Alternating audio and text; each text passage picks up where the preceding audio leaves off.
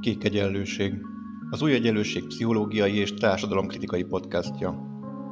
Mire jó a pszichológia, és mire nem? Miért érezzük rosszul magunkat a bőrünkben, és mit tehetünk ellene?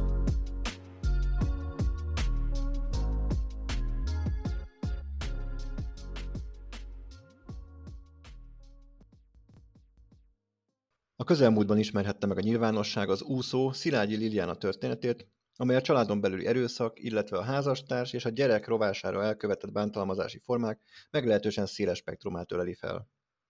Noha a következő beszélgetés nem erről a konkrét ügyről szól, nem tudunk és nem is akarunk teljes mértékben elvonatkoztatni az úszó által elmondottaktól. De nem csak ebben a konkrét esetben nem könnyű tisztán látni, ugyanis már jelenség általánosabb megragadására irányuló kísérlet is kénytelen szembenézni azzal a problémával, hogy a különböző emberek nem egyformán viszonyulnak a bántás, a bántalmazás kérdéséhez. Vannak családok és közegek, amelyekben a másik rendszeres érzelmi vagy akár fizikai bántalmazása, ha nem is elfogadott, de legalábbis megtűrt jelenségnek számít. A spektrum másik végén pedig ott van a jelenség szétterítésére irányuló törekvés, amely már egy hangos szóváltás esetén is bántalmazást kiált. A rossz bánásmódról és a bántalmazásról Hoyer Mária klinikai szakpszichológussal beszélgetünk. Szia! Köszöntlek a podcastban, köszönöm szépen, hogy elfogadtad a meghívást. Én is köszönöm a lehetőséget, és akkor bemutatkoznék, én klinikai és klinikai addiktológiai szakciológus vagyok, ami azt jelenti, hogy olyan típusú klientúrám van, ahol az indulatszabályozás, az érzelmek kezelése nagyon problémás, és ugye a szenvedélybetegségek, függőbetegségek lélektanában ez az egyik kulcskérdés. Tehát én nagyon régóta foglalkozom olyan családokkal, ahol a család rendszerén belül az indulatszabályozással komoly problémák vannak, elsősorban függőbetegségek miatt drog, alkohol, szex, játék, szerencsejáték, de általánosságban is előfordul ez ilyen konkrét függőségek nélkül, hogy az indulatkezelés egy rendszeren belül, ugye a család, mint rendszer jelenik meg, problémát okoz. És hát így kerülök én ide a podcastba a bántalmazás, vagy a szülői bánásmód, rossz bánásmód témakörében, ami hát egy nagyon fontos témakör. A mi szakmánkban én egyetemi oktatóként is tanítottam, ezt tanítom ma is, klinikai szakpszichológus jelölteknek vagyok gyakorlati oktatója, és hát ez bizony nálunk tananyag, a bántalmazás felismerése, kezelése, ennek mindenféle hosszabb, rövid távú következményének ugye a megelőzése, kezelése. Hát szóval így kerülök én ide. A, itt a felvezetőmben már említettem, hogy hát próbáltam körvonalazni azt a problémát, hogy esetleg a bántalmazásnak a felfogása, megfogalmazása nem teljesen objektív, vagy nem végezhető el teljesen objektív módon. Vannak emberek, akik azt is bántásként élik meg, amikor igazából nem bántják őket, csak mondjuk nekik szegeznek egy kritikusabb kérdést, valamit megkérdeznek tőlük, és akkor ezt mondjuk úgy, úgy, úgy élik meg, hogy számon vannak kérve, aztán a másik oldalról meg ott van, hogy valakit bántanak, valakit folyamatosan verbálisan degradálnak, és vagy annyira hozzászokik, hogy nem ismeri fel, vagy valamilyen másokból kifolyólag nem ismeri fel. Tehát nagyon széles ez a spektrum, hogy ki hogyan éli meg pszichológiai helyzetétől, társadalmi beágyazottságától függően az, hogy őt most bántják-e vagy nem, bántalmazzák-e vagy nem. Mennyire jár vékony jégen a pszichológia, amikor a bántalmazás jelenségét kell megragadnia? Mennyire objektív, mennyire tud objektív lenni, vagy mondjuk egyetemes lenni ez a megközelítés? Na hát a pszichológia sem egyféle, hanem ugye, mint jeleztem, én klinikus vagyok, tehát mi azzal a problémakörrel foglalkozunk, ami klinikai figyelmet igényel, tehát egy gyógyító szakemberek vagyunk, de rengeteg pszichológus van, aki nem gyógyító szakember, hanem tanácsadó vagy kutatópszichológus, de általában ugye a pszichológusok körében is ez probléma, tehát nagyon jó a kérdés, hogy mit tekintünk annak, mennyire objektív ennek a megítélése. Na most a, a klinikumban, tehát a gyógyító szakmában van ennek definíciója, meghatározása, diagnosztikai kézikönyvekben van erre egy csomó kód, amit lehet kódolni, majd erre még visszatérünk, már most az elején mondom, hogy arra is van diagnosztikai kód, hogy a bántalmazó kér segítséget, nem csak a bántalmazott, de külön tárgyalják a gyermekbántalmazást, a felnőtt bántalmazást, hogy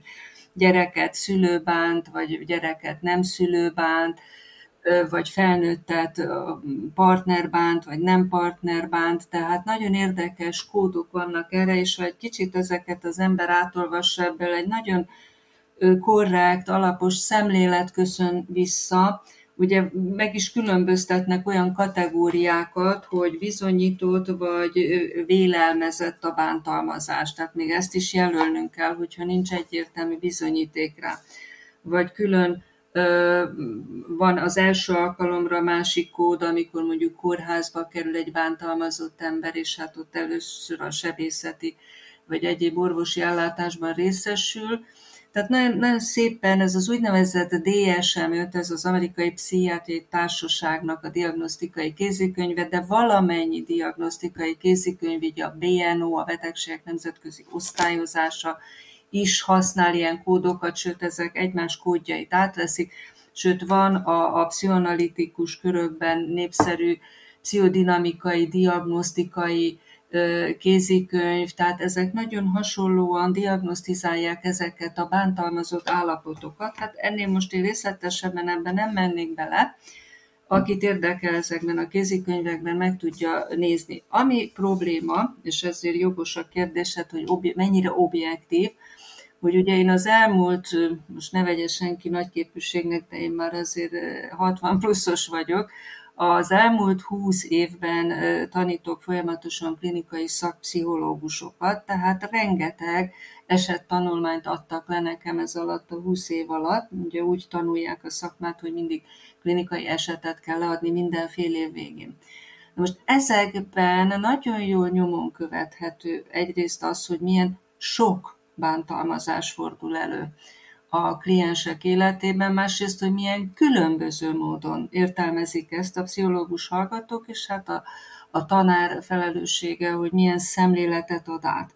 Tehát nagyon fontos az, hogy legyenek elegendő info, legyen elegendő információ ahhoz, hogy egy pszichológus kijelentse azt, hogy valaki bántalmazott. Én most csak úgy zárójelben mondom, láttam én már olyan igazságügyi szakértői véleményt, már nem hivatalos igazságügyi szakértő pszichológustól, hanem egy alapszakon végzett pszichológustól olyan 13 oldalas véleményt, amit bíróságra nyújtott be a, az áldozat, hogy az áldozat férje, ez egy sima vállóperi ügy volt, azzal soha nem találkozott a pszichológus de bőven idézett szakirodalmat, és, és a, a, az áldozatnak hát titulált hozzátartozó által elmondottakból 13 oldalas véleményt írt. Na most ezt csak azért mondom el, hogy nagyon-nagyon nagy a szórás a mi szakmánkban, nagyon különbözően állnak hozzá a bántalmazás tényéhez.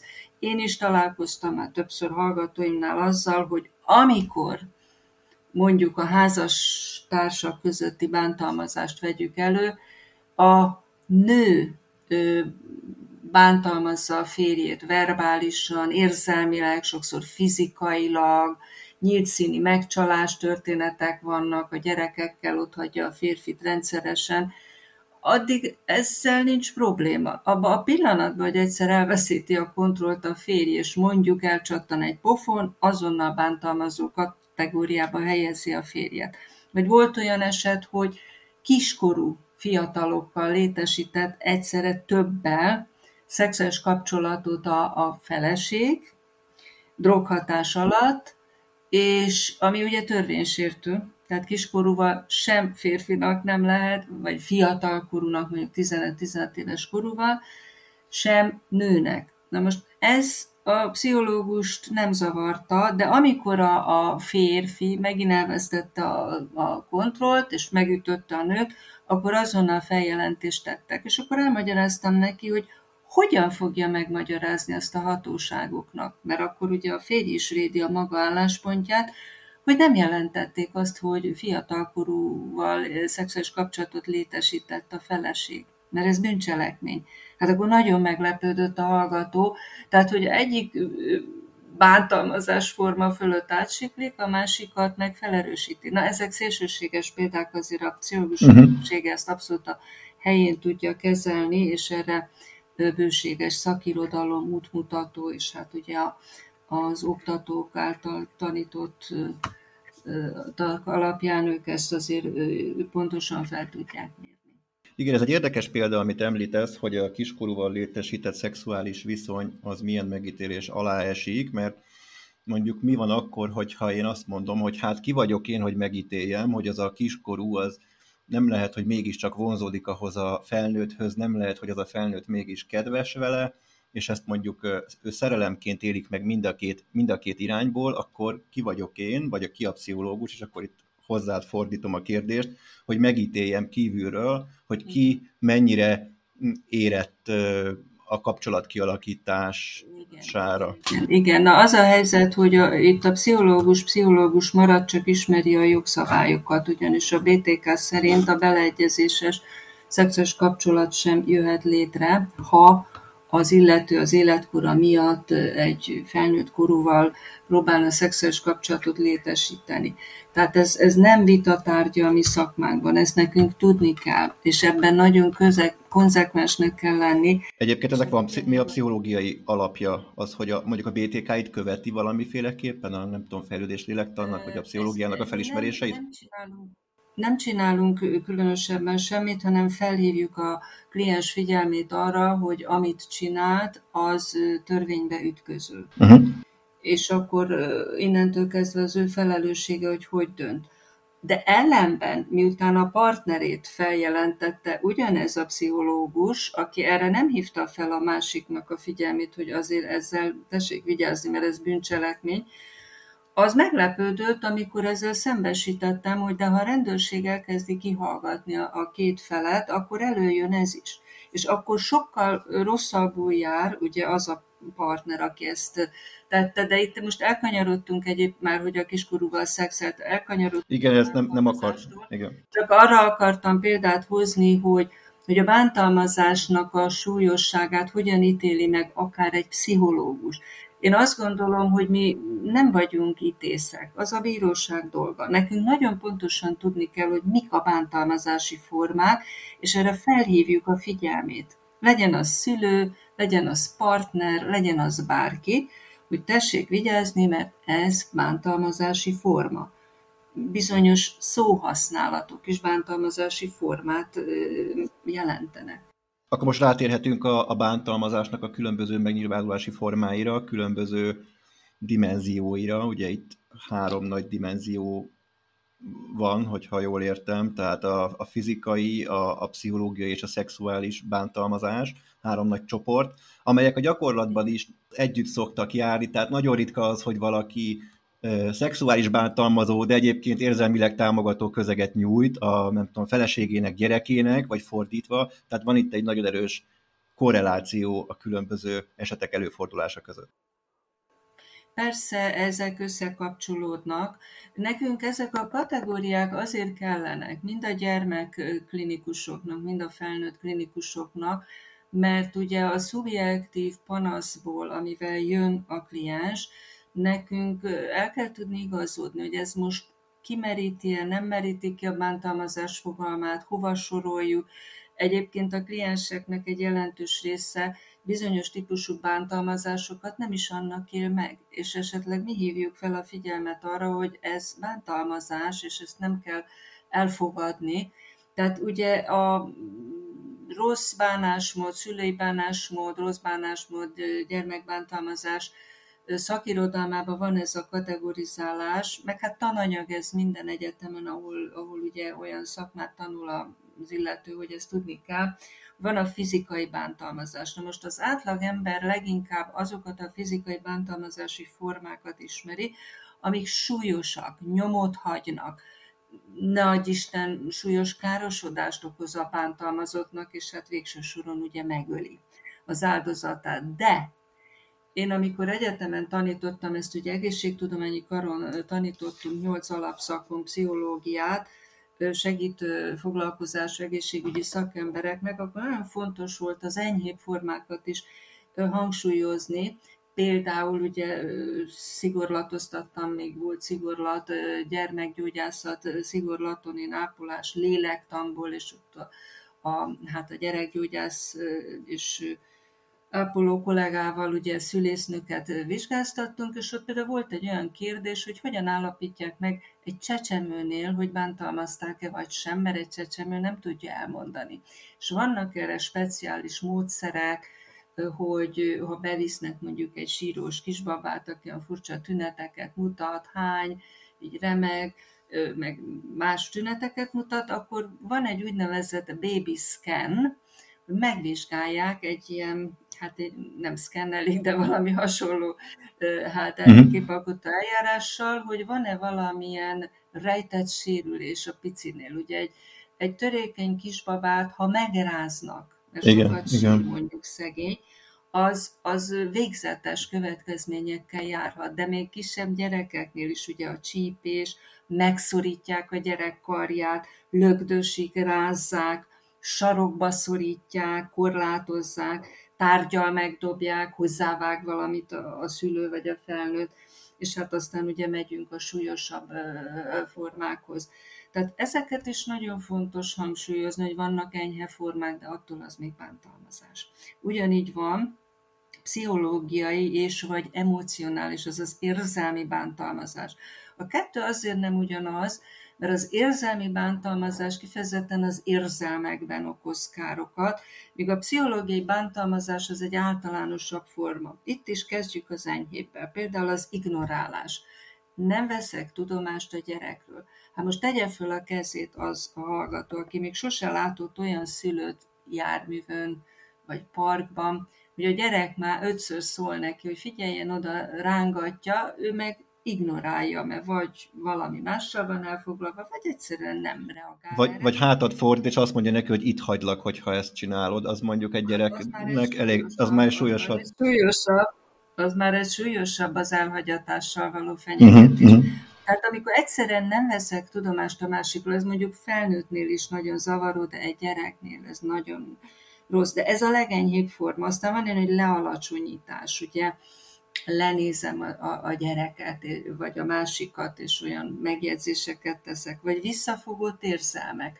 Hogy ugye a minél kisebb egy gyerek, annál fontosabb a felnőtt arcán tükröződő érzelem. Ebből tanulja meg ő a saját érzelmeit beazonosítani, ezt ugye tanuljuk javarészt. Tehát a visszafogott érzelmekkel lehet pszichológiailag bántalmazni, minimalizált viszonyulás, tehát csak a legszükségesebbeket adom, teszem, és egyébként meg nem foglalkozom vele, a kigúnyolás, kiabálás, ordítozás, az izoláció, izolálom a gyereket a családon belül, vagy a gyerekektől, inzultálás, vád, vádolgatás, megalázás, a kedvenc játékainak a tönkretétele. Például sok szülő elvéti, hogy dühében odavágja a gyereknek egy játékát. Tehát nem a gyereket üti meg, de attól még a gyereknek fáj.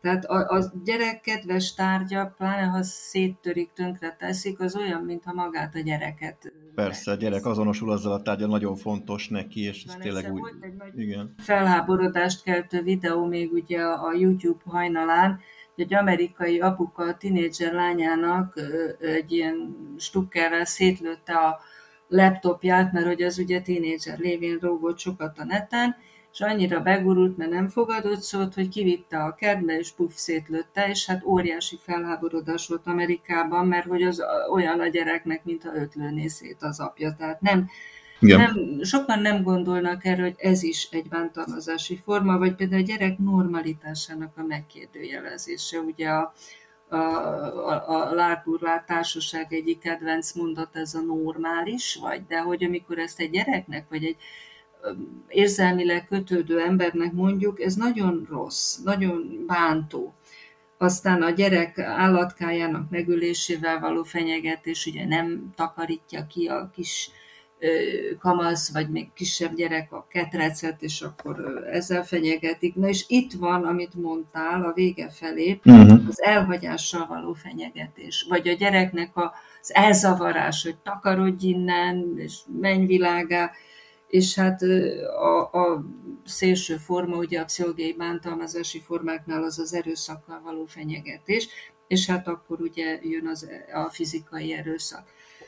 Na, hát a harmadik ilyen főcsoport a szexuális bántalmazás, ugye ez is egy nagyon érdekes kategória.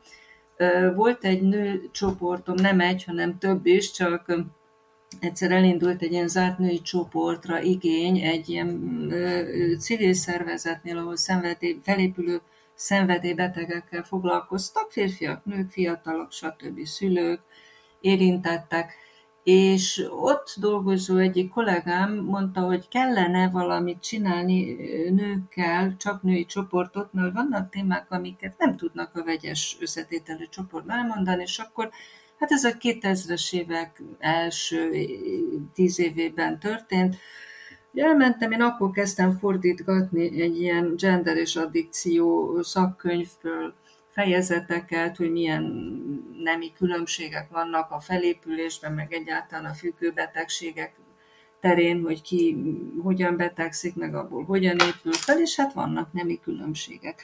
Na és akkor ezt úgy frissibe ott ki is próbáltam, hogy na, akkor nézzük, hogy a nők felépülésében tudok-e én valami újat mutatni, és ez egy tízüléses ilyen tematikus csoport volt, nem volt téma a bántalmazás. Tehát volt sok minden, test, én és a testem, a partnerek, karakterisztikája, stb. Mindig kijött a csoportban, úgy a harmadik, negyedik alkalommal az, hogy bántották. Holott mondom, ez nem volt téma. Nem mindenkit, de akkor figyeltem föl arra, hogy az enyhébb bántalmazás is milyen nyomot hagy. Például egy nem kívánatos testi érintés. Uh-huh. Tehát egy, egy, egy, egy gyereklányt, vagy egy gyerekfiút, nehogy azt higgyük, hogy csak a kislányokat szaklatják, a kisfiúkat pontosan ugyanúgy. Akkor néztem annak idején amerikai statisztikákat, ott azért rendszeresen az egészségügyi nagy rendszerek végeznek mindenféle felméréseket erről is, és sajnos a, a, a kislányokat gyakrabban, de a kisfiúkat is, és egyre súlyosabb módon is, tehát nem csak a nem kívánt testi érintést. Például szexuális bántalmazás az, ha szexuális tárgyként kezeljük a gyereket. Azt mondjuk, hogy na te kis pöcs, vagy na te kis punci, vagy bocsánat a bejön. Már, már verbálisan is. Igen, tehát Igen. ez már egy bántalmazás, hogy szexualizált tárgyként kezelem. Hmm. Vagy a szexuális szükségletek minimalizálása, vagy szexuális, szexualitás kritizálása, rögeszmés féltékenység, nem kívánt megérintés, és így tovább, a szexuális aktus követelése. Hát itt Most itt össze, összecsúszik a, a, nem tudom, partner és a gyereknek a szexuális abuzálása egy kicsit, majd ezt lehet szét, szétszálazzuk itt a későbbiekben. Ö gyerekre is lehet féltékeny a szülő. Aha, aha. Hú-hú. Hát uh-huh. én olyanokat láttam a drogambulancián, hogy lehidaltam. Tehát, hogy, hogy lehet 12 uh-huh. Mhm. éves lányára betegesen féltékeny a uh-huh. szülő, vagy a fiára, vagy, vagy olyan összemosódások tudnak lenni családban, hogy, hogy mit tudom, a, a, az apa nudizik a, az éppen serdülő lányával, vagy feltárják uh-huh. egymásnak a szexuális életüket, mert bosszúból az anyától elvált, vitte a serdülő lány egyikét, Ó, nagyon csúnya. Tehát a valóságban sem válik ez gyakran annyira szét, mint ahogy értem. Vagy az anya maga mellé veszi a nyolc éves kisfiát az ágyba, miután a férjétől külön vált, és közben pornót néz, szóval fú, nagy az Isten állatkertje, már bocsánat a kifejezésért. Tehát az aktus követelés, a levetköztetésre kényszerítés, és így tovább, tehát az egyre súlyosabb szexuális bántalmazások, például az egy meglehetősen súlyos szexuális bántalmazás, ha a szexuális aktus megfigyelésére késztetik a gyereket. Tehát nagyon sok szülő például pornót mutat a gyereknek. Volt egy paciensem, aki nagyon súlyos szexuális függő beteg lett. Sikeres volt a szakmában minden, de egyszer azért keresett meg, hogy egyszer nem tud megvenni pornó nélkül, de ugyanúgy jár prostituáltakhoz is, és ami a csövön kifér, állandóan a szex, szex, szex. És akkor az anamnézisbe felbukkant olyan, hogy a szülők holmia között kutatva egyszer talált egy ilyen pornó újságot, hát erre azt mondjuk, hogy jó, hát oké, okay, talált.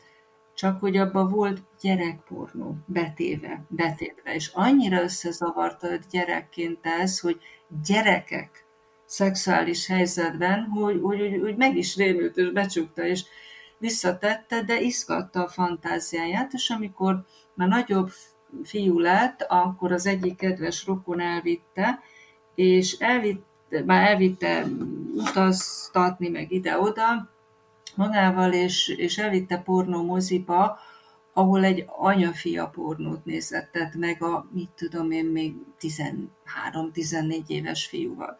És ez annyira összezavarta a szexuális fejlődését, hogy nem, nem volt a helyén a szexuális vágya, késztetés, a kielégülés. Szóval el nem tudjuk képzelni, hogy milyen, milyen furcsa módon tudja zaklatni, bántalmazni egy szülő vagy egy felnőtt, a, a, a serdülő vagy még arra sem eljutó gyereket. Itt a kérdés, az a kérdés merül fel, hogy a gyerek mikortól van tisztában azzal, hogy őt bántják, bántalmazzák. Mondjuk nyilván a fizikai bántalmazás az nagyon konkrét, tehát azt mondjuk nehéz máshogy értelmezni, mint bántás, de mondjuk az, hogy hozzá helytelenül közelednek, szexuálisan olyan testrészét érinti meg, a, a szülő, vagy egy, vagy egy családtag, vagy egy rokon, vagy egy barát, amit esetleg nem kellene, ezt a gyerek már nagyon korán érzi, és akkor a másik oldalát is fölteszem a kérdésnek, hogy az, aki bántja a gyereket, az tudja, hogy bántja a gyereket? Hát határeset. Szerintem van, amikor tudja, csak nem fogja vissza magát, simán átlép egy határt, mert ugye itt ez egy hatalmi kérdés is mindig, a szexuális bántalmazás, ugye egy felnőtt dominál a gyerek fölött. A gyerek nem mindig tudja. Ezért én régen nagyon sok prevenciós programba vettem részt, és volt a rendőrségnek is ilyen pedofília prevenciós programja, és ezt tanították gyerekeknek iskolában, meg intézményekben, hogy, hogy hogyan rendelkezzen a saját testével, hogy mi az, ami nem fér bele érintés, mikor fogjon gyanút. Tehát ezt tanítani kell azért a gyerekeknek. Hát ugye most nagyon messzire menne ez a párbeszéd, hogy belemennénk a közoktatás hát folyamatába, de igazság szerint, ahogy a gyerek közösségbe kerül, legyen az bölcsőde, óvoda, közoktatás, ugye az már közoktatás része, ezt tanítani kell, a test tudatosságot, a testhatárokat, az egészség prevencióban ez is benne van, ugye ez az intesten, hogy hogyan nevezzem meg a nemi szerveket, például a brit egészségügyben egészen pici gyerekeknél latin néven nevén nevezik a nemi szervet. Hogyha mit tudom, egy kislányt megvizsgál egy, egy orvos, akkor elmondja neki, hogy én most a vaginádat megvizsgálom, és oda fogok nyúlni, és ezt fogom csinálni, vagy a kisfiúknál ugyanígy, hogy a kis péniszedet megfogom, megvizsgálom, tehát mindent tanítanak a gyereknek. Hát ugye visszautalva a női csoportra, itt azért javarészt ilyen 30-40-es nők voltak, egy-két fiatalabb, de mind felnőtt korú, volt egy olyan téma, hogy én és a genitálém. És akkor azt vettem észre, ez ilyen 10-12 fős csoport volt, hogy ilyen zavartan néznek körbe, meg vihognak, és nem tudták, hogy mi ez a szó. És akkor, hogy mi az, mi az, kérdezték tőlem, mondom, én nem, nem mondok semmit, akkor találják ki ők, hogy mi ez. És akkor egy valakinek beugrott, hogy ja, hát tudod, és akkor is sukták egymás fülébe, hogy az. És akkor mondtam, hogy na akkor ez a témánk, hogy akkor beszéljünk arról, hogy ki minek nevezi, és hogyan viszonyul hozzá, milyen érzésekkel. Hát persze aztán rövidesen feloldottak, óriási röhögésbe mentünk át, hogy ki minek nevez, és egy csomó nőnek nem volt erre szava, mert nem tanították meg neki gyerekkorba, hogy hogy hívja a testének azt a részét. Vagy pejoratívan nevezték meg, vagy sehogy. Szóval nagyon fontos, már ott kezdődik az edukáció, hogy ezt a testtudatosságot, a testhatárok védelmét hogyan építjük be egy kisgyereknek a fejébe, és hát ez a közoktatásban mondjuk nagyon fontos lenne. Mert akkor a gyerek jobban megérti azt, hogyha illetlenül nyúkál hozzá egy felnőtt, mondjuk akár orvosi vizsgálat közben, vagy akár sportolás közben. Hát ugye erre is volt egy egy könyv, a, a, ugyancsak ugye az uszodák világából egy fiatal úszónő megírta, hogy szexmániás lett. Ez például egy Igen. káros következmény, hogy úgy összezavarodott, mert ugye amikor bontakozik, nyiladozik a szexus, ugye a hormonális változások következtében, akkor azért izgalommal fantáziál egy tinédzser erről, és ha ekközben éri őt egy olyan impulzus, egy felnőtt által, hogy ugyan érzi, hogy ez nincs rendben, de közben izgatja is, akkor ez felnőtt korban átfordulhat ilyen promiszkuív, kritikátlan, válogatás nélküli szexuális kíváncsiságra, ami végső soron azért egy betegség, tehát nem jár jól, ha túl ingerlik őt, mert hát ugye van erre a, az excesszív szexualitás, vagy nymphománia lánykori nevén, vagy a férfiaknál ugye más, tehát ezek sajnos tévútra mennek ezek a nem kívánatos szexuális hát impulzusok ilyenkor.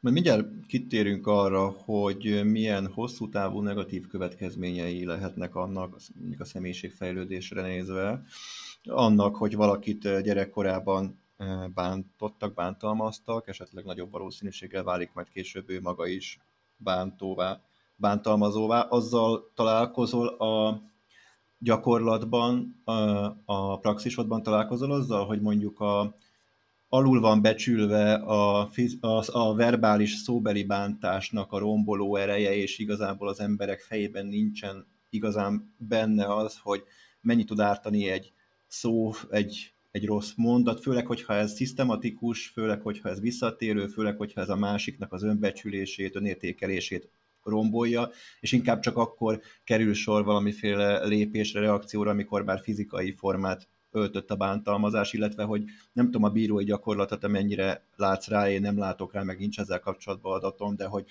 mennyire veszik komolyan azt, amikor az emberek egymást érzelmileg bántják, zsarolják, manipulálják, rombolják egymás önértékelését. Igen, kezdjük a végével. Nekem sajnos van tapasztalatom, voltam büntető bíró előtt is tanúként, az nagyon kemény, nehéz helyzet még a, a tanúnak is, vagy a szakértőnek.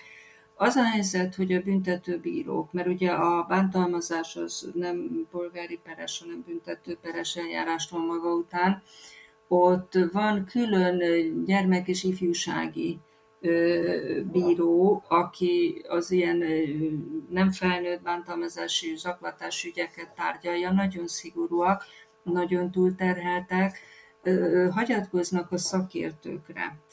És a szakértők is nagyon túlterheltek, és sajnos egy meghatározott protokoll szerint kell nekik a szakértői vizsgálatot lefolytatni. Ezen most van egyébként vita a különböző szakmai szervezetek között. Én is részt vettem egyszer ilyenen, hogy meg kéne újítani ezt a protokollt, de ugye az igazságügyi szakértő az nem a klinikumhoz tartozik, hanem az igazságügyhöz és ott előírások vannak, amit be kell tartani, de minden esetre a szakértők ugye megvizsgálják az érintettet, a hozzátartozott van, hogy az egész családot.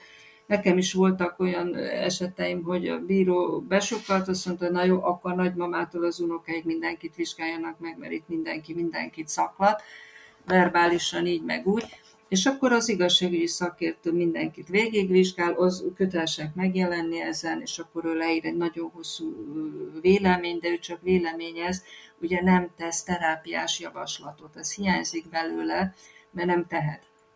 Ne legyenek illúzióink, a bíróság, meg a jogi szakma más szakma. Viszont, hogy ugye kérdezted, hogy hát a verbális bántalmazásról tudják-e.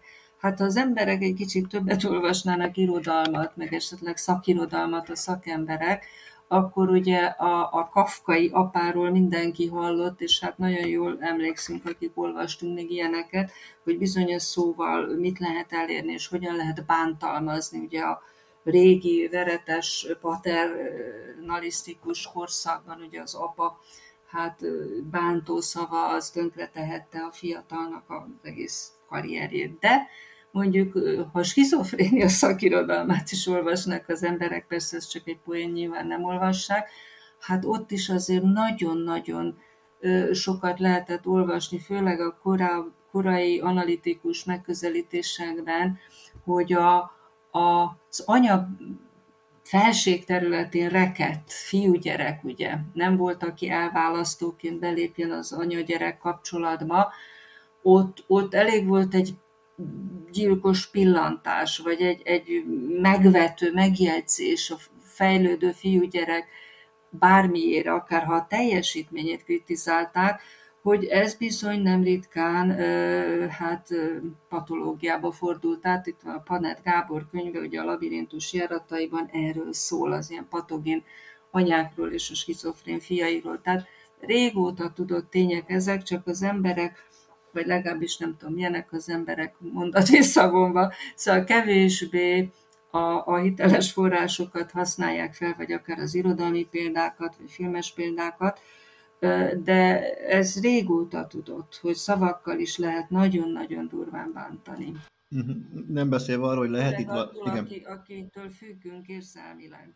Ja igen, ezt, akar, ezt, ezt szerettem volna kihangsúlyozni. Persze az egész rossz bánásmód, bántalmazás problémakör, amikor a gyerekre irányul ez az egész, akkor ez azért ennyire tragikus, mert hiszen a gyereknek a köldögzsinórja a külvilághoz az első számú, és bizalmi viszonyon alapuló kapcsolat az a szülő, tehát hogyha pont az a ember bántja őt, akiben ő feltétel nélkül megbízik, vagy hát akinek az lenne a feladat, hogy benne feltétel nélkül megbízzon a gyerek, és ezzel nagyon súlyos módon visszaél, akkor ez a gyerekben elképesztő diszonanciát tud okozni, és akkor még egy legenyhébb szót használtam, ami az eszembe jutott. Hát a diszonancián túl egy olyan jelenséget hív életre, amit még a korai 70-es évek depresszió kutatásai tártak fel, ez a tanult tehetetlenség fogalma, amit az Eligman írt le, hogy a, akit bántalmaznak folyamatosan, akár szóban, akár tettel, akár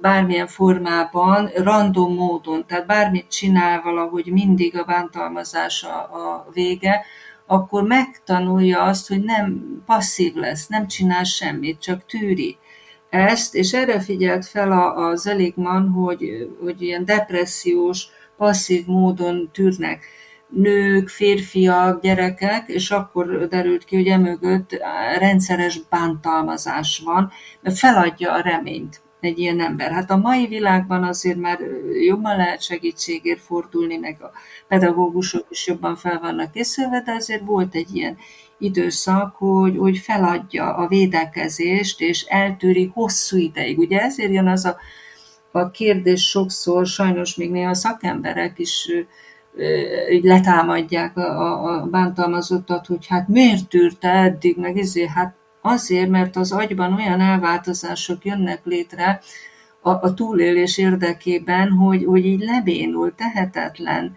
nem tud cselekvésbe átfordulni, sőt, ha már az agyat beidéztem, ugye ilyen hő felvételekkel van ilyen PET vizsgálat, ugye gyerekeknél és felnőtteknél, ki lehet mutatni azt, hogy egy rendszeresen bántalmazott gyereknél bizonyos agyi területek nem úgy fejlődnek, és alulfejlettek, mondjuk a portás gyerekek hasonló agyi hőfelvételéhez képest, így azért már eléggé előre tart a tudomány, és ki tudják ezeket szűrni. Tehát ezek azért hatnak minden szinten, és, és ezeknek sajnos hosszú távú következménye is vannak, a legsúlyosabb az úgynevezett pervazív zavar, ami egy ilyen fejlődési zavar tünet együttes.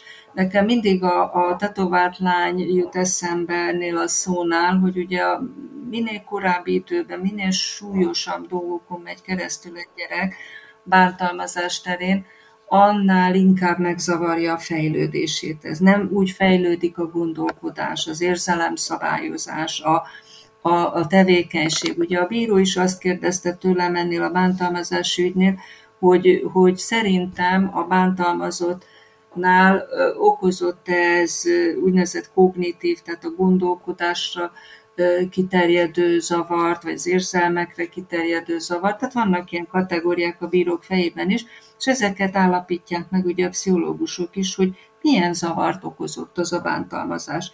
És hát minél kisebb korban történik a, a minél súlyosabb bántalmazás, annál súlyosabb hosszú távú hát, következménye van ennek, nagyon sok jó szakkönyv jelent meg az elmúlt 5-6 évben ezzel kapcsolatban. Ez a egyik egy debreceni kolléganő könyve, a Kuritárné Szabó Ildikó könyve annyira népszerű, hogy ma másodszor kellett kiadni. Az a címe, hogy úgy szerettem volna, ha nem bántottál volna. Ugye, és egy kislány képe van a címoldalon, de a diszociatív zavar, traumatizáció is erről szól.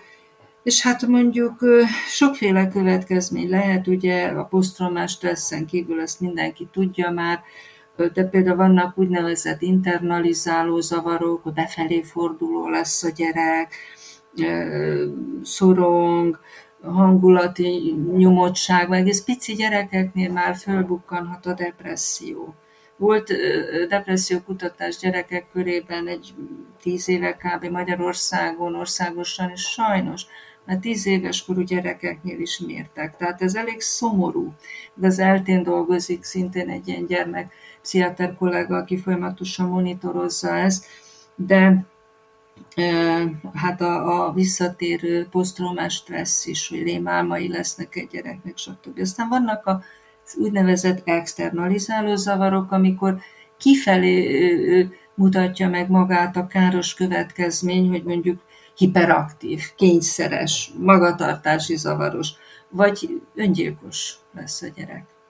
És hát ugye vannak hosszú távon a, a tanulási zavarok, alacsony iskolai teljesítmény, és így tovább mondja. Amikor, amikor te találkozol egy gyerekkel a mm, működésed során, és ilyesmi tüneteket produkál, tehát vagy amit mondtál, hogy kifelé forduló, vagy befelé forduló ön, akár önromboló gyakorlatokat folytat, posztraumás stressz-szindróma, rosszul tanul, figyelemzavar, stb., akkor te már gyanakszol arra, hogy esetleg ezt a gyereket valamilyen módon bántalmazzák, akár, akár tevőlegesen, akár valamilyen mm, szükségletének a kinemelégítésével, tehát valaminek a megvonásával, hogy ez van a háttérben? Hát nézd, ma már lehet, hogy gyanakodnék, amikor én a pályámat kezdtem, még nem gyanakodtam, meg akkor az ADHD sem, ez a Attention Disorder and Hyperactive uh, uh, Attention Disorder and Hyperactive Attention Deficit and Hyperactive Disorder, deficit, azt hiszem, ugye? Valami ilyesmi. Attention Deficit, and Hyperactive. Disorder Régen mi ezt lánykori nevén OCD-nek, meg, meg minek is hívtuk, na mindegy, szóval valami egészen másnak, organikus szindróma, stb. Lényeg az, hogy ma már ez összekapcsolható valamennyire, de ez nem azt jelenti, hogy minden ADHD-st bántalmaztak, uh-huh. de ennek van azért egy, sokféle magyarázat van erre, ebben most ne bonyolódjunk bele, ez lehet egy externalizáló zavar, vagy a kényszeresség. Volt nekem már sok ilyen fiatal páciensem, ami egészen mással jöttek, és aztán kiderült, hogy a, a család rendszerében volt bántalmazó légkör, apa, anya, anya, apát, és, és mindenki mindenkit, főleg verbálisan, és, és ez, ez tényleg nagyon rossz hatással van egy gyerek fejlődésére, de önmagában ez a diagnózis még nem feltétlen jelenti azt. Viszont lehetnek később olyan következmények is, mint kapcsolati zavarok, drog, alkoholabúzus, személyiségzavarok, és maga a bántalmazott is bántalmazó lesz. Uh-huh. Tehát a rossz bánásmódnak a kockázata megnő. E, ennek, ennek mennyire, ennek nagy a, nagy a valószínűsége? Tehát ez egy komoly hát, veszély, ezt továbbadja? Hogy hogy van erre esély, sajnos van. Van, hogy miközben ő végig rettegte a gyerekkorát, és, és tudja, mit jelent bántalmazottnak lenni, ha mondjuk olyan hatalmi pozícióba kerül, hogy neki alárendeltek, akár a munkahelyén, vagy más uh-huh. pozícióban, előjöhet belőle is ez a bántalmazó, úgyhogy ő nem is veszi észre. Uh-huh. Csak egyszerűen elkezd élni a hatalmával, meg aztán visszaélni. Megízleli ennek a, a, a, az ízét, és láttam én már, meg tapasztaltam is saját bőrömön is. Tehát van, amikor ez átfordul felnőtt korban. Például börtönben csináltak börtönkutatásoknál erőszakos bűncselekményt elkövetőknél ilyen vizsgálatot, és hát ott sajnos azért kijött ez nagyon markánsan, uh-huh. hogy akik ilyen durva erőszakos bűncselekmények miatt ültek, bizony velük is durva erőszakos bánásmód volt kimutatható uh-huh. gyerekkorban. De hát ez nem egy az egyben igaz, de van összefüggés azért sajnos. Az, az mennyire jellemző, hogy ugye mm, családon belüli bántalmazásról beszélünk, hogyha mondjuk vegyünk egy bántalmazó embert, hogy ő nem csak a családját bántja, hanem hasonlóképpen viselkedik a külvilágban, a szakmai csoportjában, barátaival, nem tudom, vagy, vagy inkább az a jellemző, hogy valamiféle külső frusztrációt, a frusztrációval való megküzdésnek a hiányát, deficitjét próbálja meg kitölteni azokon az embereken, akik, akik igazából az ő közvetlen környezetében vannak, és akik fölött ő valamiféle hatalmat gyakorol. Tehát ez, egy, ez, egy, ez a bántalmazó, ez egy általános személyiségjegy, vagy ez bizonyos szférákban nyilvánul meg a, a társadalomban? Hát ez egy nagyon bonyolult kérdés, amit föltettél, mert... Igyekeztem nagyon valami bonyolultat, és akkor sokfelé tudunk elágazni belőle. Kicsit szedni ezt, mert vannak bizonyos élethelyzetek, sőt mondhatni történelmi események, amikor, hogy is mondjam, a relációk megfordulnak például a háborúk esetén. Megfigyelték a, a vesztes Németországban, ebből nőtt ki például egy pszichológiai, pszichiátriai irányzat, ez a Dynamische für Psychanalyse, a Günther Rámon iskolája, ugye Münchenben, hogy megfigyelte, hogy a, a háború utáni Németországban rendkívül sok és nagyon durva gyermekbántalmazás volt, de olyan, hogy sokan belehaltak gyerekek, és akkor ennek utána járt pszichiáterként, és az derült ki, hogy ha visszajött a katona, vagy más pozíciót betöltő apuka, akkor az az agresszió, ami ugye a háborúban sajnos ugye a, a mozgató erő, amit az ellenség felé fejt ki, az az agresszió nem tud lecsitulni, főleg, hogy vesztes, főleg, hogy még le is csukták, vagy mit tudom én. Hadifogságba esett, hogy ilyesmi. Igen. Ha hazaér, akkor a saját családján éli ki.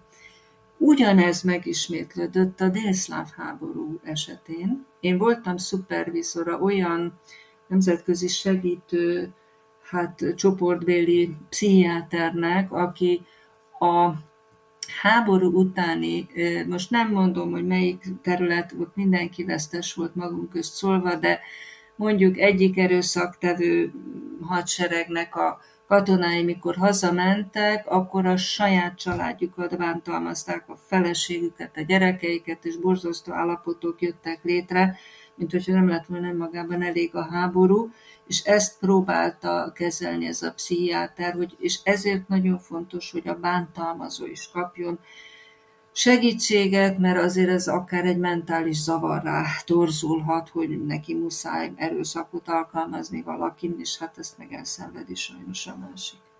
Beszéltünk arról, a, igen, bocsánat.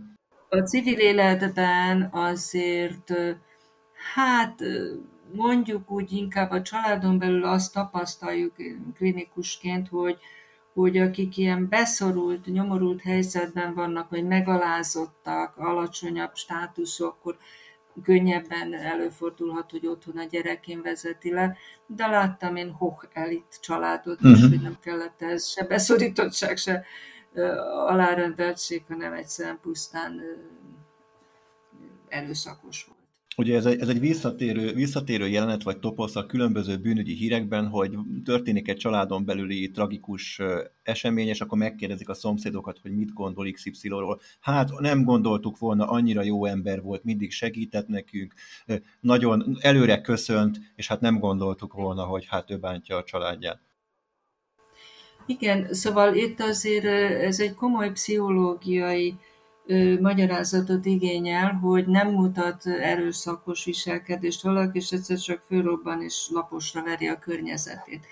Ezt azért, ha az ember figyel meg, a környezete figyel, látja a feszültség növekedését. Ha a feszültségét nem tudja kanalizálni, azaz olyan csatornákba, mederbe terelni, ami legális, és segít kiélni, kiadni az agresszív impulzusokat, akkor ez előfordul, hogy bizony a látszat ellenére egyszer csak átfordul erőszaktevőbe. Ez lehet tehetetlenség, elkeseredettség, szóval nem, nem címkézném én föl, de ugye az agresszió az a pszichológiai értelemben nem rossz vagy jó, hanem az egy késztetés, egy olyan alapkésztetés mondhatni,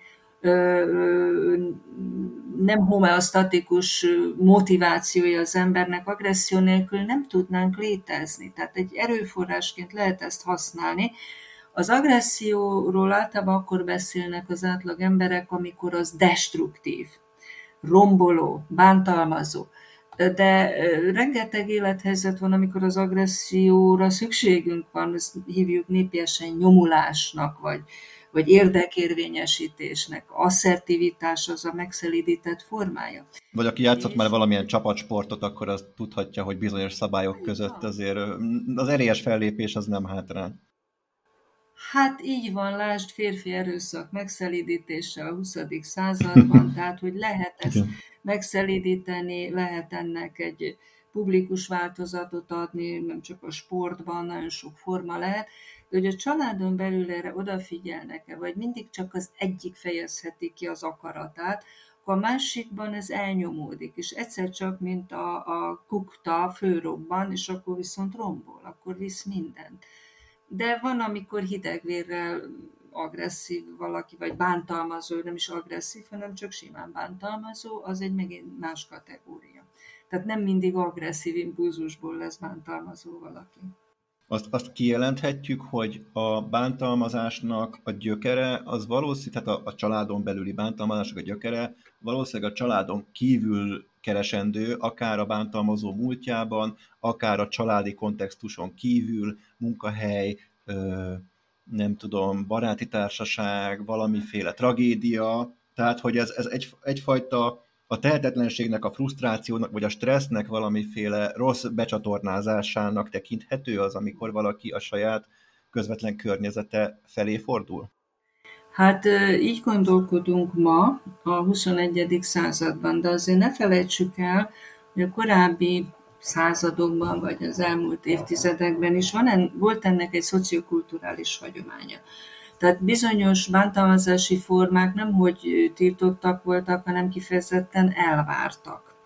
Ugye, hogy a gyereknek a fenekére kell csapni, ha mit tudom én, megszegi a szabályt, vagy a tanár körmöst adhatott a gyereknek. Tehát az... Én is kaptam körmöst, mégis felnőttem, ugye? Igen, Szok, igen. szokás mondani. Meg, meg milyen jó, hogy apám vagy anyám laposra vert, mert ember lett belőlem, szóval ennek azért volt egy ilyen ideológiája. Most, hogy mi az, ami maradvány hozza családjából, szociokulturális, nem tudjuk. Ugye a pszichiátria most már komolyabb figyelmet szán a szociális kulturális jellegre, ugye nem lehet csak kifejezetten ugye biológiai, pszichológiai alapokon magyarázni a zavarokat, hanem a, a szociokulturális és spirituális dimenziók is bejöhetnek. Tehát nagyon sok családban ez nem volt probléma, hogy akár kiabáltak egymással, vagy megütötték egymást. És, és hát ezt azért a, pszichológusnak tisztázni kell, hogy, hogy egyáltalán tisztában vannak a tagok ezzel.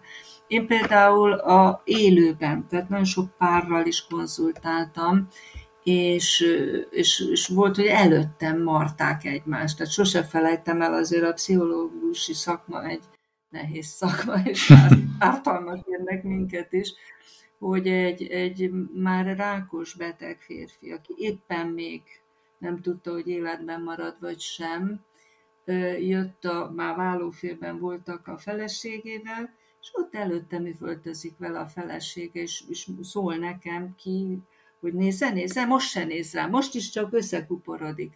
És akkor le kellett állítanom ezt a bántalmazást, mondtam, hogy értse meg, hogy az életéért reszket. Hát nem azért nem néz magára, mert tiszteletlen, hanem azért, mert, mert össze van törve. És akkor meglepődött, hogy ja, ja, mert most nem az történik éppen, amit ő akar, tehát fel se tűnt neki, hogy milyen durván bántalmazza egy idegen ember előtt. Vagy volt, hogy szülők jöttek, még a drogambulanciás korszakomban, és azonnal brutálisan ott a kamasz gyerek előtt teregeti ki a családi szennyest, a gyerek bűneit, és akkor mindig itt megállítottam, mint egy magnat, hogy stop, álljunk meg. Én egy idegen vagyok. Egy idegen vagyok, aki előtt nem biztos, hogy ezt rögtön mondani kell. Mert ez, ez nem biztos, hogy jó a másiknak, hogy a bűneit itt nekem kiteregeti. Tehát annyiféle formával találkoztam én már, hogy tényleg nagyon nehéz kategorizálni, de, de nem tűnik ez föl sokszor az embereknek, hogy ők most bántalmazzák a másikat. Annak az fáj. Hát minden, uh-huh. fáj, az bántalmazás. Forduljunk egy kicsit rá arra, hogy ki is ez a bántalmazó, milyen pszichés problémákkal küzd, milyen múltja van neki, és mi az, amit, hát próbálok finoman fogalmazni, miért jó neki az, hogy bánt másokat? Számára mi a, mi a hozadéka annak, hogy bánt másokat? Ezt mondjuk annak, aki nem élvezi különösebben mások bántását, talán nehéz lehet elgondolni, hogy ebben van valamiféle ki, mi, kielégülési tényező. Mit él, mit él át a bántalmazó, és... Uh-huh. Hát nézd, azért én így bántalmazókkal kevésbé foglalkoztam, mert ritkában kérnek segítséget, de volt Magyarországon már ilyen kezdeményezés, hogy az erőszaktevőknek külön ilyen civil szervezet próbált segíteni, hogy ők is hát felismerjék magukban ezt a késztetést. Én azt gondolom, hogy a kifejezetten szadista, pszichopata gyilkosoktól eltekintve, akik valóban élvezhetik a azt, hogy hát gyötrik a másikat. Nem vagyok meggyőződve arról, hogy ezt élvezi a bántalmazó. Sokkal inkább hatalomféltés, szeretetféltés, és, és én inkább azt feltételezem, hogy kétségbe esett dühében kezdi verni a, a gyerekét, vagy a partnerét, de Persze lehet, hogy ebben nincs igazam. Én azt gondolom, hogy nem feltétlen okoz ez örömet a bántalmazónak, sőt, én láttam ilyen depresszogén anyákat, akik bántalmazták a gyereküket, rettenetes bűntudatot élnek meg később, ami meg megint csak nem jó, mert akkor bűntudatból kompenzál. Tehát megint nem a helyén mozog a szülő-gyerek kapcsolat, amíg aztán megint el nem jut egy pontra, amikor megint felrobban, mert ugye például a depressziónál is van agresszió szabályozási probléma. Próbálja elnyomni. Elnyeli a depresszió az agressziót, de az nem tűnik el, hanem mint egy gejzir egyszer csak kitör belőle, amikor már úgy nagyon elege van mindenből, és akkor viszont rombol. És akkor az ilyen, ilyen cirkusz viciózusban állandóan egy kompenzatorikus tevékenység van, hogy próbálja jóvá tenni azt, amikor hát bántotta a szeretét. Tehát nem olyan egyszerű ez, hogy ő ezt élvezi, vagy leszámítva azt, aki hát önként és dalolva örömmel csinálja ezt. Én hál' Isten ilyen emberekkel nem foglalkoztam. Tehát akkor nem feltétlenül érez valami fajta kielégülést a bántalmazó, miután megtette a különböző romboló, hát, romboló szerintem, tetteit. Szerintem ő is felzaklatódik, miközben bánt, és, és persze bánt az ő szülő sokszor elrohan utána otthonról.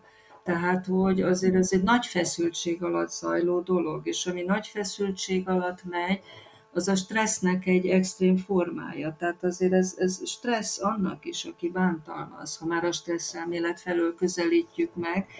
De mondom, nagyon sokféle bántalmazó van. Van, aki ilyen, ilyen szertartásszerűen büntet és bántalmaz. Érzelmi amplitúdó nélkül.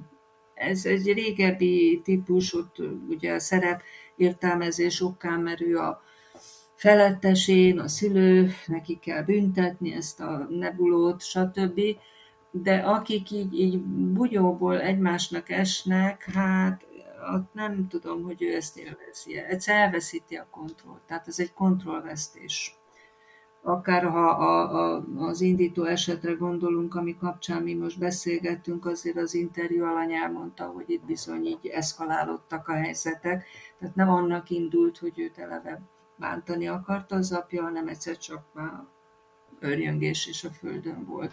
Na, jó, jó, hogy most nagyon jó végszót adtál nekem a következő kérdéshez. Ugye két dolgot is kiemeltél, amit itt szeretnék aláhúzni. Az egyik az, hogy És akkor térjünk arra rá, hogy hogyan manipulálódik bele egy ilyen családi közeg a bántalmazásba, hogyan szokik, nem, nem, ez, a, nem ez a legjobb szó, hogyan szokja, szokja meg, hogyan fásul bele egy bántalmazó viszonyba. Az egyik, amit mondtál, hogy a bántalmazó nagyon gyakran váltogatja a büntetést és a jutalmazást, akár anélkül, hogy benne ez különösebb érzelmi ingadozást előidézne, de még, az, még azt is el tudom képzelni, hogy átíri, de most nem ezt akarom hangsúlyozni, hanem azt, hogy valami fajta ilyen kiszámíthatatlan érzelmi, jutalmazó, büntető közeget teremt a családban, amitől hát talajvesztetté válik az, akit folyamatosan hol büntetnek, hol jutalmaznak, többé-kevésbé függetlenül attól, hogy most ő valami jót vagy rosszat csinált. A másik pedig az, hogy ugye egy ilyen kapcsolat nem úgy, nem úgy indul egy, egy párkapcsolat, házasság, hogy az bántalmazó lesz.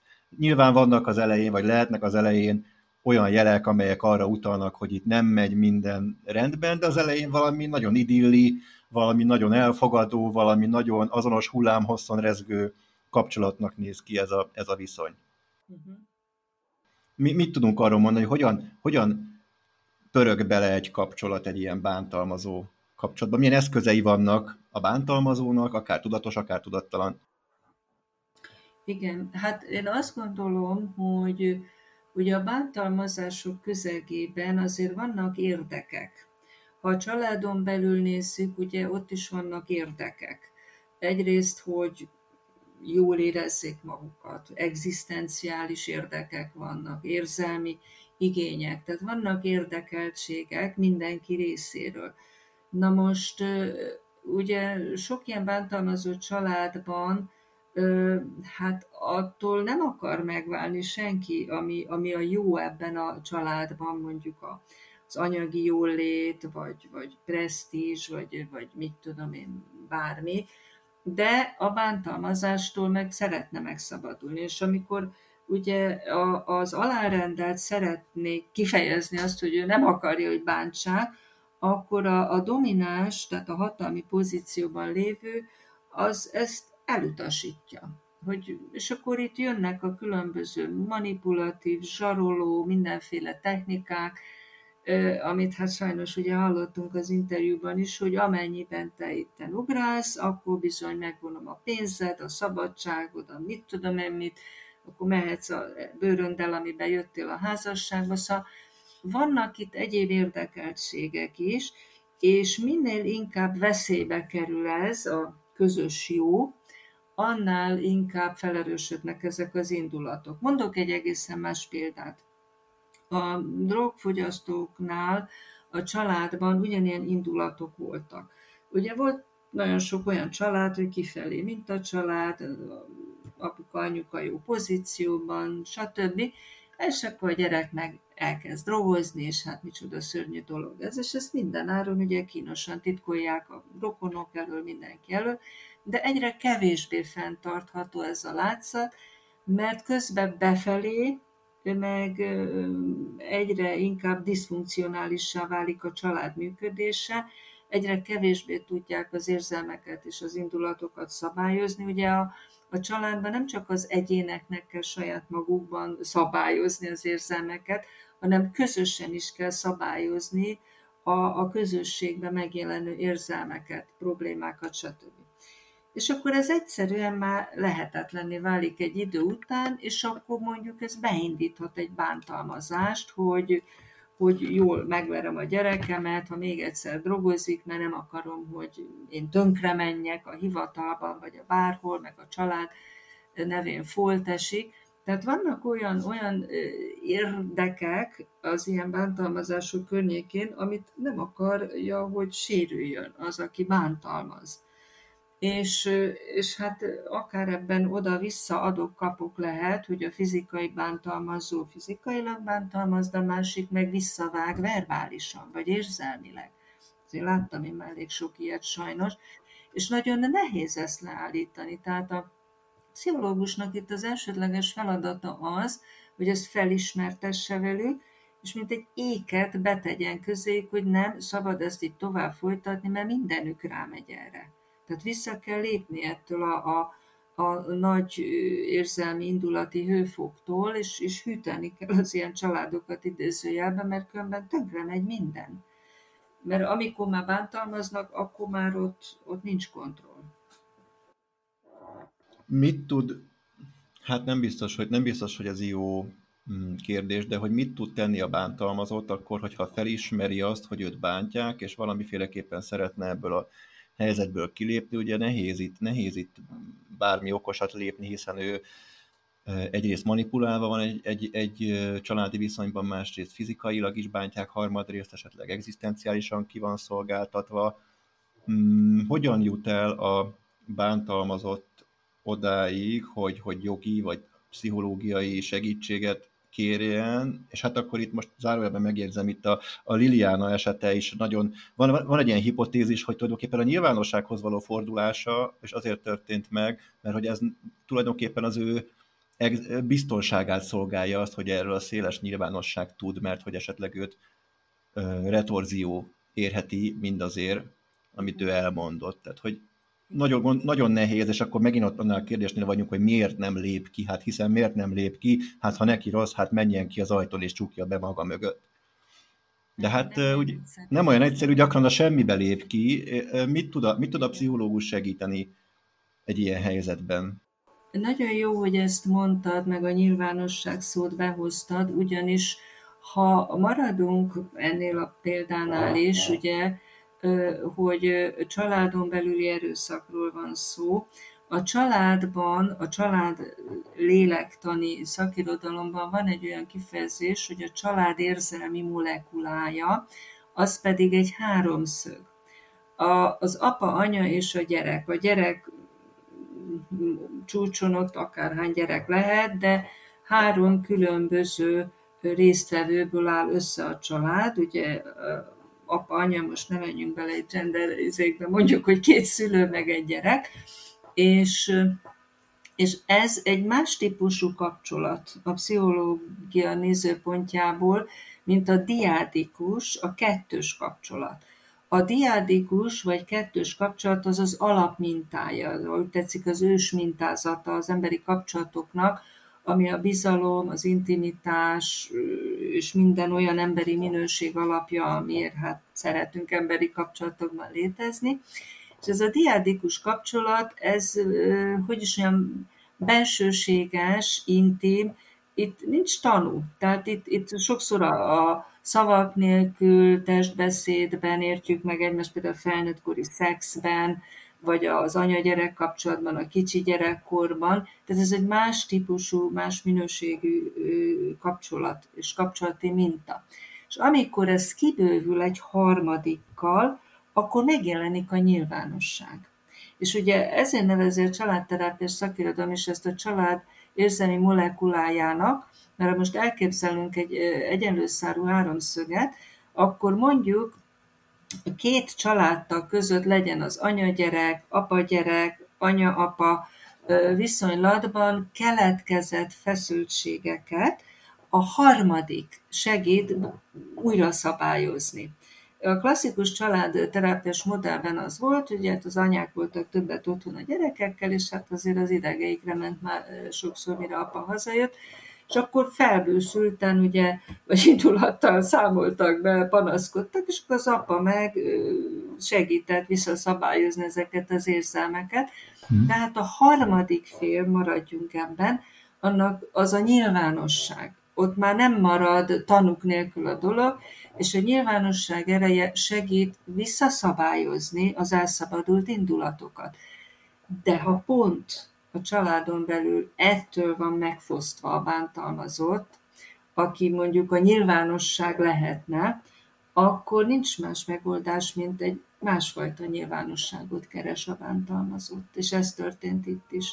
És volt nekem a praxisomban már olyan, hogy hát sajnos volt már olyan is, hogy, hogy szakember bántalmazta a paciensét, nem fizikailag, de nagyon sokféleképpen, mint látjuk, lehet bántalmazni, és egy a paciens ismerőse jött hozzám kétségbeesve, ismert engem, hogy, hogy tegyünk valamit, mert teljesen tönkre megy, amúgy egy, egy pszichotikus paciensről volt szó, mert hogy hogyan használja ki, miket csinál vele a terapeuta.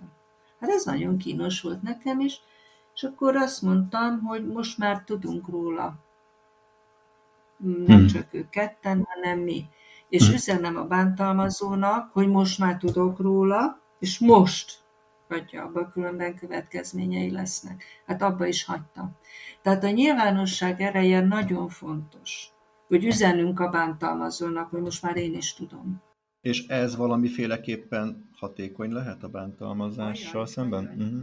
Hát ha nem egy elborult uh-huh. agyú emberről van, ez nagyon hatékony. Hogyne? Hát, hát most ugye a idézett esetben egy egész ország tud róla. Tehát ennek van visszatartó ereje. Uh-huh. Hogy, hogy nyilvánosságra kerülnek ilyen dolgok. Na persze aztán hát itt most van ennek egy másik oldala, de az most nem fér ebbe bele, hogy amikor visszaélnek ezzel, és, és farkast kiáltanak, de amikor tényleg bántalmazásról van szó, bizony lehet a nyilvánosságnak ereje. Ez lehet egy családsegítő, egy gyermekjóléti intézmény, a rendőrség, az iskolába is, a pedagógus észreveszi, van jelentési kötelezettsége a szakembereknek, a jelzőrendszer beindul, tehát bizony, bizony ennek van ereje a nyilvánosságnak. Hála Istennek. Utolsó kérdésként mm, azt tenném föl neked, hogy mit tud tenni a pszichológus akkor, amikor eljut hozzá egy bántalmazott feleség, férj, ne zárjuk ki, gyerek.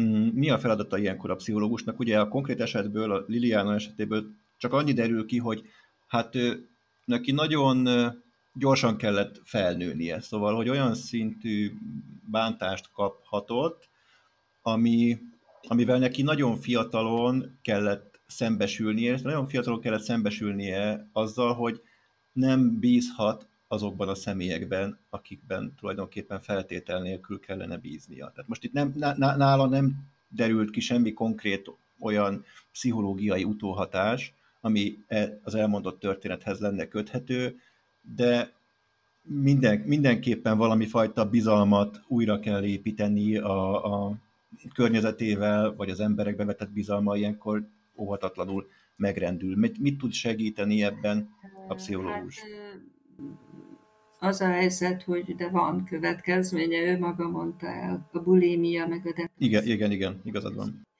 Meg akár a, a testképszavar, ugye, ami azért a bulimia mögött is picit ott van, nem, az anorexia az egyértelmű, tehát azért ennek súlyos következménye volt, meg van. A pszichológus ugye attól függ, hogy, hogy hogy kapja meg a klienst. Ha éppen aktuálisan bántalmazott, akkor föl van adva a lecke, mert lehet nekünk is jelentési kötelezettségünk, főleg ha kiskorúról van szó, vagy fiatalkorúról, de felnőtt esetében is előfordulhat. Ha ez a múltból jön elő, a, a, egészen más miatt keres szakembert, és egyszer csak felbukkan az, hogy őt szaklatták gyerekkorában, akkor, akkor megint más a feladatunk.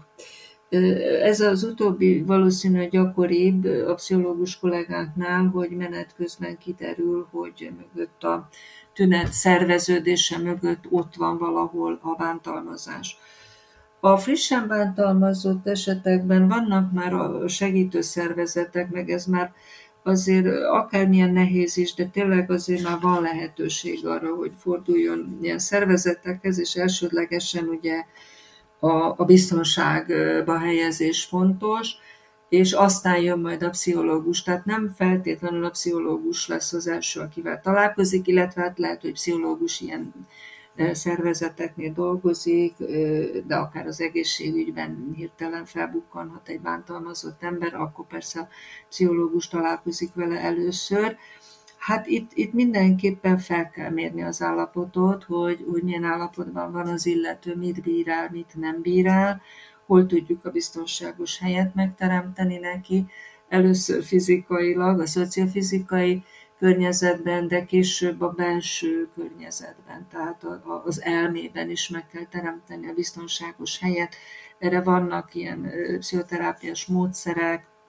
Én is tanultam annak idején az EMDR-t, módszert, ez az iMovement Desensitization and Reprocessing, ez kifejezetten traumát elszenvedett, vagy súlyos stressz helyzeteket túlélők számára dolgoztak ki a Francine Shapiro Amerikában, azon elterjedt, de vannak különböző imaginatív, meg hipnoterápiás módszerek, amikor ugye a belső utakat járjuk végig, és ott segítünk feldolgozni ezeket a, az élményeket, tehát van sok lehetőség erre. Nagyon sok pszichológus foglalkozik ezzel egyébként, kifejezetten ilyen traumafeldolgozásra bántalmazott embereknek a, hát a, a szenvedését enyhítendő, meg, meg, meg hogy tovább tudjon lépni ettől a bántalmazástól, és teljes életet tudjon élni.